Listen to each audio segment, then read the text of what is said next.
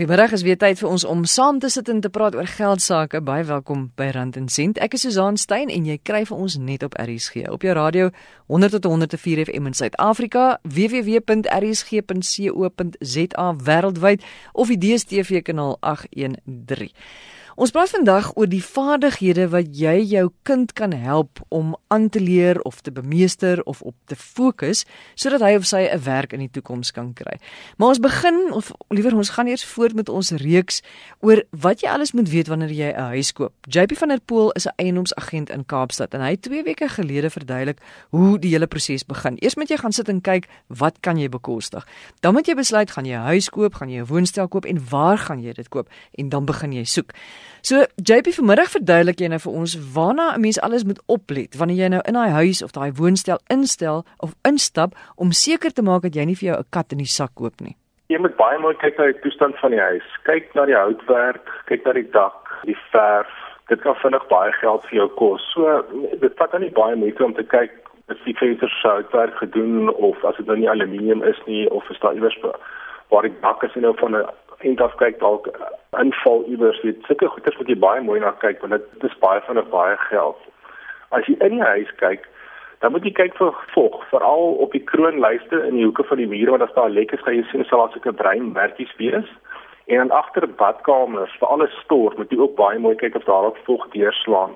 Ons ondervind dit vreeslik baie dat daar of gekraakte teëls is of die sement is in die teëls is besig om te verbrokkel en dan kom maar vog deur jy kan kyk is daar voldoende sekuriteit? Want sekuriteit is vir ons almal vreeslik belangrik en dit is as jy byvoorbeeld vir jou buite diens vir jou alarm opsit dit kan baie vinnig baie geld kos toestand van swembad swembad toerusting as die swembad dalk gekraak is daai tipe goeders kos vinnig baie geld. Is daar enige servitute op die eiendom? En is alles op plan soos gesê het is daar enige dispute met oorskrydings van erwe En dan as jy enige veranderings beplan aan jou huis, struktureel of so, moet jy kyk of dit fisies gedoen kan word op die plan. Byvoorbeeld is in level dalk baie mense wil dis daar ook plan maak die ouer huise en dan is daar hier wat 'n drama is wat jy nie kan uitkap nie. So mens moet mooi kyk na dit. En dan as jy enige tekens kan sien vir ernstige krake, die ouens maak dit toe, maar jy gaan duidelik sien daar was iets reg gemaak. Dan moet jy maar vra daaroor en ook of die vloere dalk gesak het. Jy kan mooi kyk as die vloerlyse eentjie weg is van jou vloer af, dan weet jy die vloer het gesak en dit is gewoonlik 'n kompakteringsprobleem. Dis maar jou hoofgoeders wat ek sal sê jy na moet kyk. Mens kies vir jou agent en jy kies 'n betroubare eiendomsagentskap. Maar dit is ook tot die agent se voordeel om die eiendom verkoop te kry. Hoe kan 'n mens jou agent regtig vertrou? Hoe ver kan jy regtig die agent vertrou?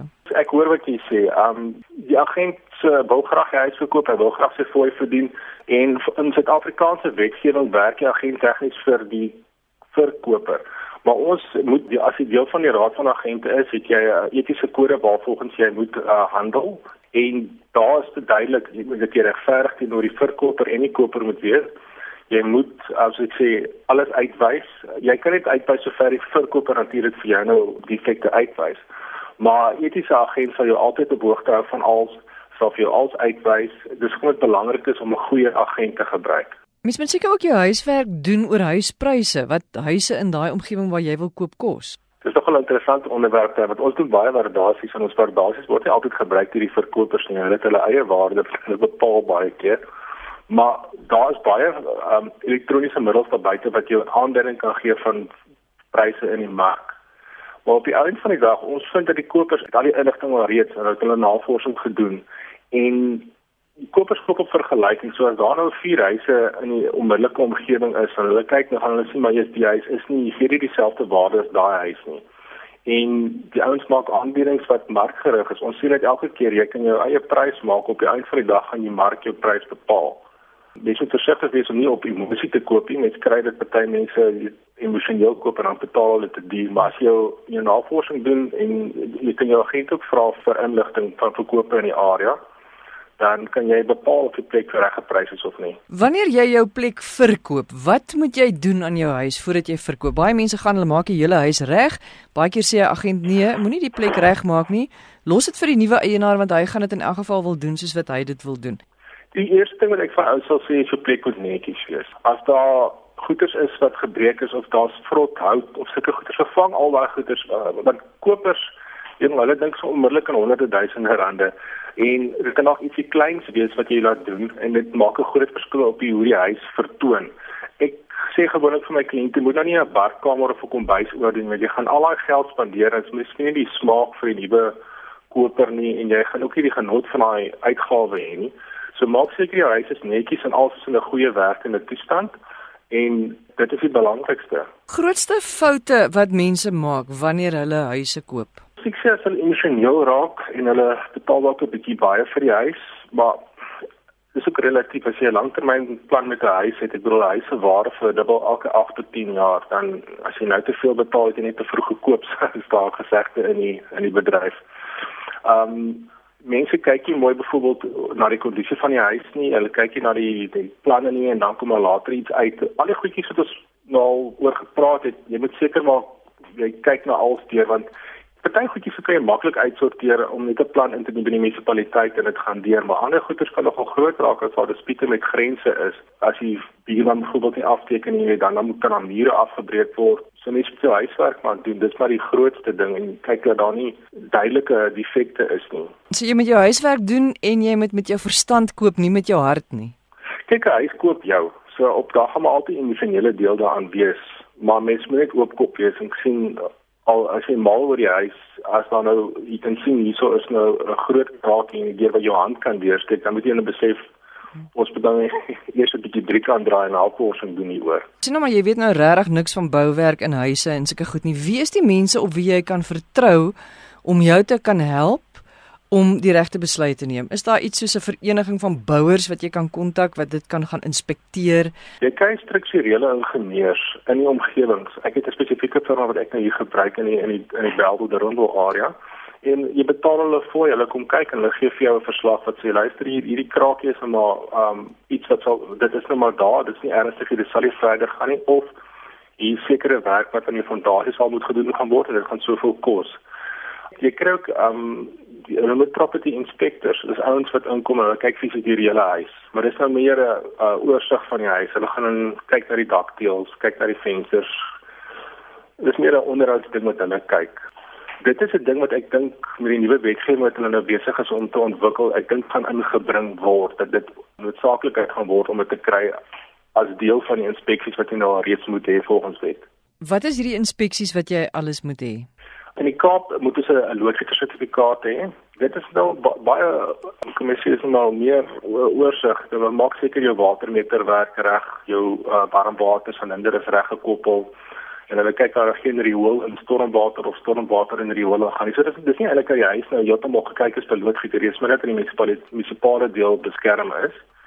En dan moet jy kyk, jy het elektriese sertifikaat nodig, 'n keber sertifikaat nodig en dan as jy elektriese heining het, moet jy elektriese heiningssertifikaat ook kry. Jy moet 'n gassertifikaat ook hê as jy gas in jou huis het. En die nuwe wetgewing waarvan jy praat? Weet jy, hulle is besig met die uh, weet heeltemal in die wetgewing wat nou hoe agente gaan bestuur word en hoe die raad gaan bestuur word. Dit is dit is wel redelik in diepte, maar hulle praat daarvan dat hulle gaan inbring dat jy 'n uh, uh, huisinspekteur ook moet uh, moet kry om jou huis af te teken voordat hy kan verkoop. Dis nog nie in wet nie, maar ons het daai gerugte gehoor. Alles om die verbruiker te beskerm. Dis reg, ja.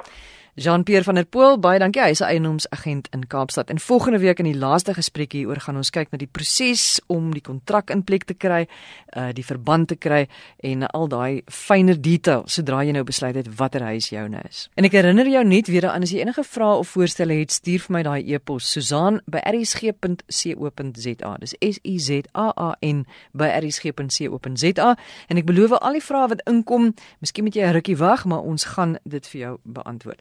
Alta Greef is nou volgende op die lyn. Sy is die hoof van navorsing, ontwikkeling en innovering by Kiro se hoofkantoor daar in Kaapstad. En Alta ons praat nou oor spesifieke vaardighede waarop 'n mens vandag moet fokus en jy wat jy moet ontwikkel of wat jy jou kind moet help om op te fokus en te ontwikkel sodat hy of sy eendag in 'n beter posisie is om 'n werk in die toekoms te kry want ek dink hierdie goed verander so ontsettend vinnig. Maar net gou-gou, wat is hierdie spesifieke vaardighede wat vandag noodsaaklik is vir daai werk in die toekoms? Ek gaan begin deur vir jou te sê die vaardighede wat deur die World Economic Forum geïdentifiseer is die top 10, maar ek gaan net oor die eerste 3 praat. In in 2015 was gekompliseerde probleemoplossing, koördinering met ander en mense bestuur. Dit was vir 2015 deur die World Economic Forum geïdentifiseer as die mees gesogte vaardighede in die werkplek. Hulle het ook 'n voorspelling gemaak vir 2020. En dan lyk die prentjie effens anders. Komplekse probleemoplossing is nog steeds nommer 1, maar nommer 2 en 3 word dan kritiese denke en kreatiwiteit. En dit word gevolg deur mensebestuuring en koördinering met ander. Ek wil net oor die 2020 vir jou nog so een of twee sê wat daar staan: emosionele intelligensie, diensoriëntering en dan die een wat my nogal besonder interesseer is kognitiewe aanpasbaarheid. En as jy 'n bietjie kan uitbrei daarop? Daar's 'n baie diep geloof in kinderopvoeding dat dinge vir kinders geweldig voorspelbaar gemaak moet word. Dit begin by rotine. Nou ek sê nie nou my rotine is sleg nie, maar as jy voorberei vir 'n toets wat maandag geskryf word, word die toets geskryf. Die uitslae kom 2 dae later.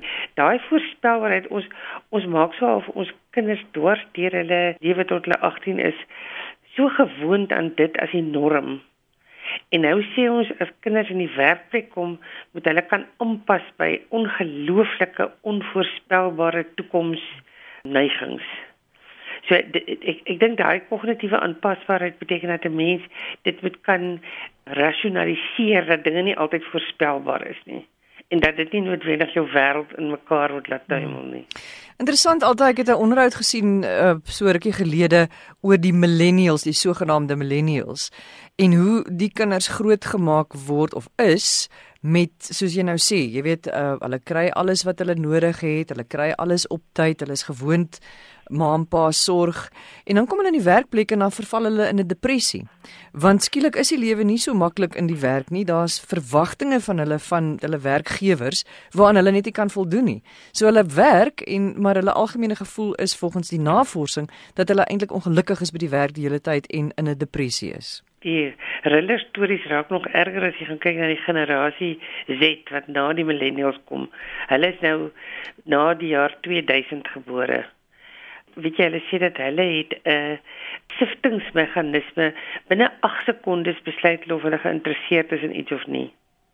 En dit is die gevolg van die feit dat hulle met soveel inligting gebombardeer is van kleins af.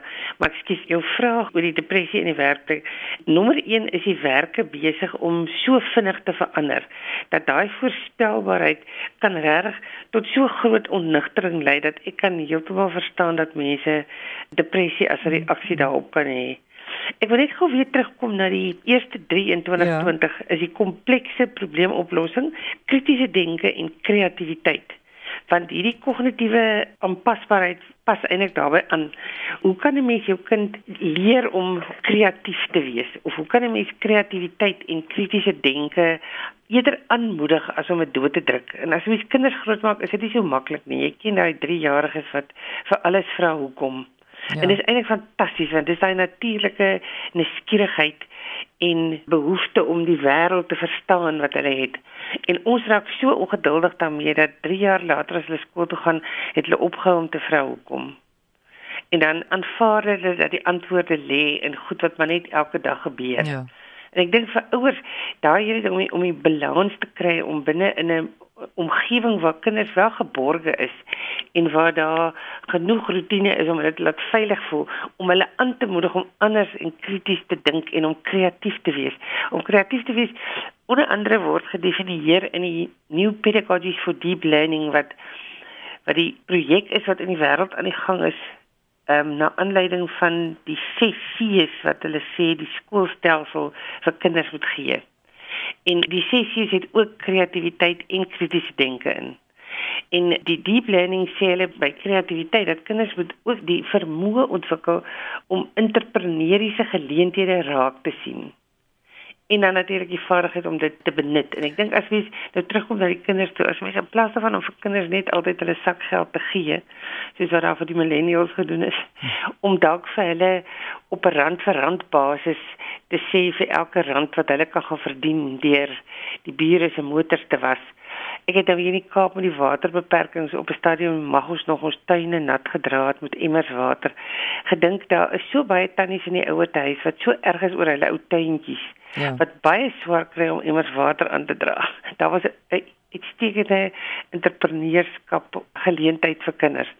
Dat 'n mens kinders aanmoedig om die geleenthede raak te sien selfs in moeilike tye en om dan daarop te kapitaliseer in plaas van om net vir hulle sakgeld te gee. Dis ook baie moeilik, groot uitdaging vir 'n ouer om dan nou skielik homself uit te daag en sy eie denke uit te daag om om anders te begin dink. So, wat stel jy dan nou voor vir ouers? Dink die eerste ding is kennis en ek weet daar is nogal 'n honger na kennis oor oor opvoedkundige feite en ek dink die eerste ding wat mense moet verstaan is hierdie is hierdie hele ding van dat tegnologie het die verandering in die wêreld geweldig versnel. En ons moet daai ding omarm want wat mense so dikwels wil doen is om terug te gaan na die verlede want hulle het 'n persepsie dat dit goed was. Weet as ons nou maar net weer by die tyd kan kom waar kinders nie op hulle selfone gespeel het nie. As ons maar net weer dit gaan nooit weer gebeur nie. So die eerste ding wat doen is om dit te aanvaar en om van daar af te werk. En daar is regtig 'n gebrek daaraan om vir mense goeie maniere te leer rakende hulle selfone. En as ons daarop fokus, dan is dit 'n konstruktiewe interaksie. Weet dat die tyd wat 'n gesin om die tafel eet vir 'n uur elke aand, is dit selfone sit ons nou neer en ons is meer geïnteresseerd in die mense om ons as die inligting wat ons met ons selfoon kry. Maar aanvaar die realiteite, dan bemagtig jouself met kennis. En hierdie ses C's wat eintlik volgens die dis groot akademici wat daaraan werk, wat eintlik die die vaardighede is wat jy op skool moet aanleer. En een van hulle is kritiese denke, kreatiwiteit, goeie kommunikasievaardighede, die vermoë om saam te werk met ander mense, collaboration, um, en dan is daar citizenship en character building. Ek dink ouers moet regtig dit moet dit moet amper die grondslag vorm van alle kinderopvoeding nou. Want dit is wat regtig met groot erns in die wêreld nagevors is wat die uiteinde van opvoeding moet wees. Ons moet oppas om nie ek het hierdie oulike aanhaling gelees gister, ons moet oppas om nie kennis en opvoeding met mekaar te verwar nie. Uh, om kennis te bekom is een ding, maar in die proses om kennis te bekom moet jy vaardighede opdoen. Nou, kinders wat doodstil in 'n klas agter mekaar in rye sit en luister na 'n persoon wat voor staan en praat, kan dalk kennis opdoen. Ons weet ook nie dit nie want ons kan nie in hulle koppe sien nie, maar hulle kan kennis kry uit die hele situasie, maar hulle gaan baie min vaardighede daaruit kry. So daai leer situasie en ek ek dink daar moet druk van ouers se kant af ook wees op die hele skoolstelsel. En daar is ek het nog nooit so baie bewustheid van innovering en anders denkheid in die onderwys gesien soos op die oomblik nie. Dit het gekom na 2010 toe die fone almal slim geraak het en tablette in die prentjie gekom het ons praat van mobile technology. So iewes skielik was dit 'n mobiele ding wat jy saam met jou kon dra. Daar is baie beweging aan die gang daaroor, maar ek dink ouers moet regtig hulle self bemagtig met kennis met wat beteken dit om 'n kind op te voed? Waarom betaal ek 'n klomp geld elke maand selfs vir regeringsskole om my kind op te voed? As hy nie met die regte vaardighede uit hierdie stelsel uitkom nie. Maar waar begin dit? Want dit begin ook by die ouerhuis. Ja, nee, nie ja, net ja, ja. nie net maar, maar dit dit sal begin as ouers kennis het daaroor. Ja. En ek dink dit dis baie belangrik. Ek, ek kyk byvoorbeeld as 'n as my kleinkinders uh, met legkaarte speel. Hoe maklik iemand kom en vir hulle wys hoe om dit te doen. En om die hoekstukkies eers te soek en die raam te pak. Dis een manier om dit te doen, maar los die kinders dat hulle hulle eie maniere daarvoor ontwikkel. Hmm. En, en dit is dalk 'n ding wat die millennials baie sterk het dis dat moenie vir mense voorskrifte en resepte gee en almekaar oplossings probeer gee nie. Gee vir hulle die probleme om op te los. En hê geduld met hulle pogings want 'n mens moet foute maak om te leer. Alternatief gou vir ons groet die vaardighede wat ons dan nou ons kinders moet aanleer ons het nou 'n hele klomp gehoor maar jy sê daar's vir jou een wat nogal uitstaan of baie spesiaal is daar's 'n man met die naam van Daan Rosegaarde. Hy's 'n Nederlander wat ongelooflik interessante goed doen. Hy's 'n innoveerder.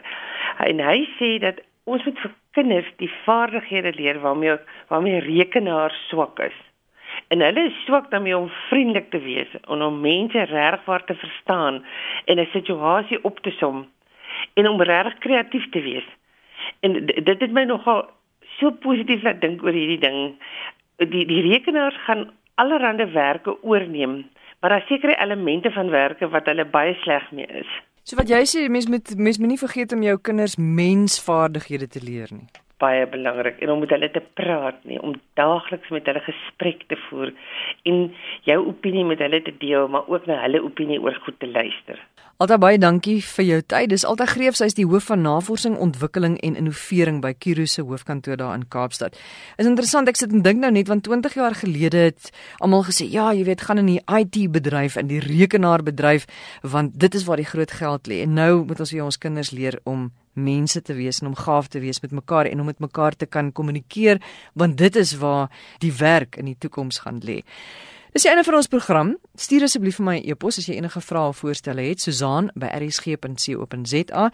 En ons gaan nou nie volgende week nie, maar die week daarna gaan ons 'n hele klompie luisteraars vrae beantwoord. So ek is jammer dat julle so lank moes wag, maar volgende week of dan nou oor 2 weke gaan ons dit doen. Volgende week gaan ons dan net daai laaste gedeelte doen in die reeks oor waarna jy alles moet kyk wanneer jy 'n huis koop. Ons gaan ook praat oor effekte trust en hoe jy een moet kies want daar is nogal baie om van te kies.